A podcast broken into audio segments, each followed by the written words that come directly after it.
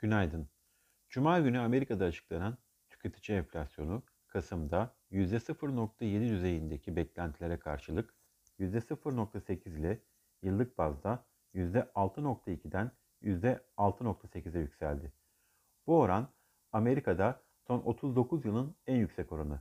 Çekirdek enflasyon ise %4.6'dan %4.9'a yükseldi.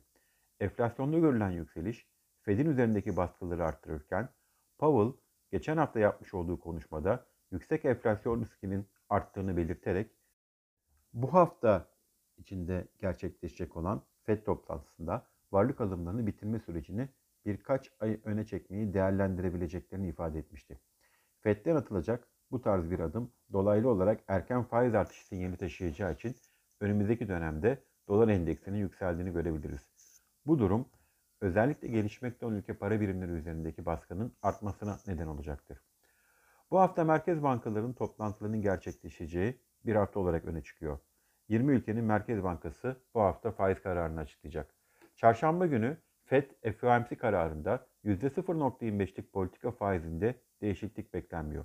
Ancak varlık alım hızının kesintisinin 15 milyar dolardan 30 milyar dolara çıkartılması bekleniyor. Aralık toplantısının ardından açıklanacak beklentiler, FED üyelerinin faiz artırım beklentileri ve Powell'ın vereceği mesajlar önemli olacaktır.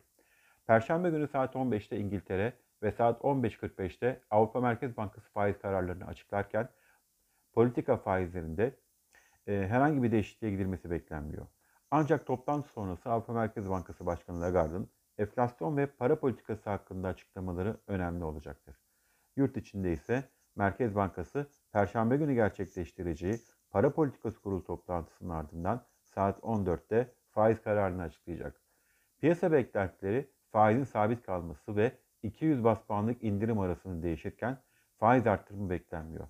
Biz ise %15 düzeyindeki politika faizini 100 bas puan indirimle %14 seviyesine çekilmesini bekliyoruz. E, yurt içinde Cuma günü açıklanan verilerde Merkez Bankası'nın yayınladığı piyasa katılımcıları anketine göre Aralık'ta yıl sonu enflasyon beklentisi %19.31'den %23.85'e yükseldi. Gelecek yıl sonu beklentisine karşılık gelen 12 ay ileriye dönük enflasyon beklentisi ise %15.6'dan %21.4'e yükseldi.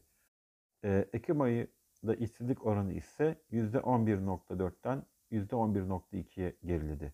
Bugün saat 10'da TÜİK Ekim ayı sanayi üretimini, Merkez Bankası ise Ekim ödemeler dengesi verilerini açıklayacak. Sanayi üretiminin Ekim'de geçen senenin aynı ayına göre %8 büyümesi bekleniyor. Sanayi üretimi 3. çeyrekte %9 büyümüş, Eylül'de üretim artışı %8.9 olmuştu. Ekim'de ödemeler dengesinin 2,5 milyar dolar fazla vermesi bekleniyor.